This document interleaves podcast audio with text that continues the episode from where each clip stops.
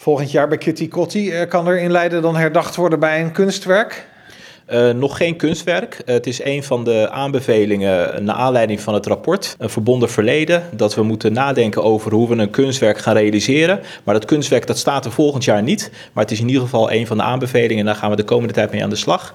In het rapport staat: kom met een denktank om daarover mee te denken. Maar zeker ook een belangrijke, belangrijk advies is om het uh, onderzoek of het vooronderzoek van de universiteit en de gemeente Leiden af te wachten. Want daarin wordt het, het gezamenlijke verhaal van Leiden verteld. En op basis daarvan komen we een stap verder bij de realisatie van het kunstwerk. En wat bedoelt u dan met het gezamenlijke verhaal van Leiden?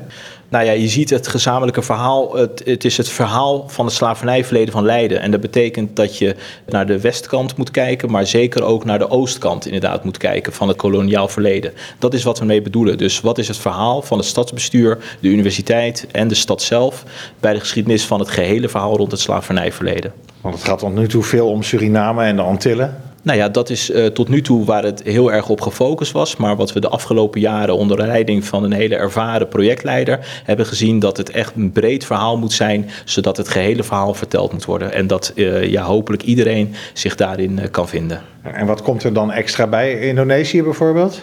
Nou, concreet weet ik het niet. Laten we inderdaad het vooronderzoek afwachten. En dat geeft ons gewoon veel meer ja, duiding aan het slavernijverleden van het stadsbestuur. En de uitkomsten van dat onderzoek moeten ook dan handvatten geven voor nou ja, wat voor eh, kunstwerk of monument dat dan moet worden. Ja, onder andere. En dan kunnen we gewoon veel beter plaatsen wat onze geschiedenis was. Eventueel, uh, ja, hoe ga je om met excuses? Maar dan heb je echt een goed onderbouwd uh, voorstel of een onderzoek wat er ligt.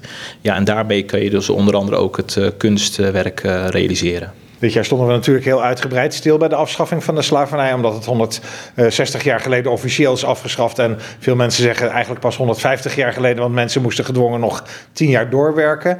Is de manier waarop we erbij eh, hebben stilgestaan in Leiden wel iets wat voortaan jaarlijks gaat gebeuren? Wat uitgebreider dan voorheen? Ja, wat mij betreft is dat echt wel iets sowieso dat we bij eh, stil moeten staan. Uh, er wordt ook aanbeveling gedaan hè, van hoe ga je om met een vlaggenprotocol, hoe ga je om met de ceremonies die erbij horen. Dus we gaan dit echt proberen ieder jaar te borgen in de stad.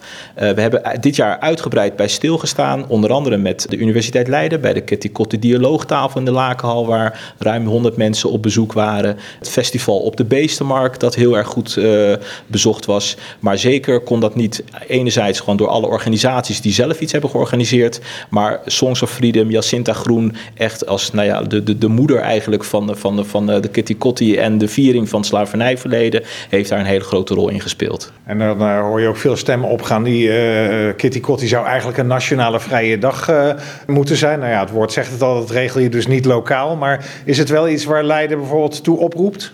Het is een van de aanbevelingen. Hè, volg ook inderdaad wat er, wat er landelijk uh, gebeurt. Een van de aanbevelingen is bijvoorbeeld kom uh, binnen Leiden tot een vrije dag één keer in de vijf jaar. Nou, daarin zegt het college dat wij echt willen afwachten wat landelijk daar de volgende stappen ingezet worden. Dus enkele aanbevelingen ja, die richten zich op landelijk. Dus bijvoorbeeld een vrije dag. Nou, wij wachten op wat uh, Den Haag daarop op antwoordt.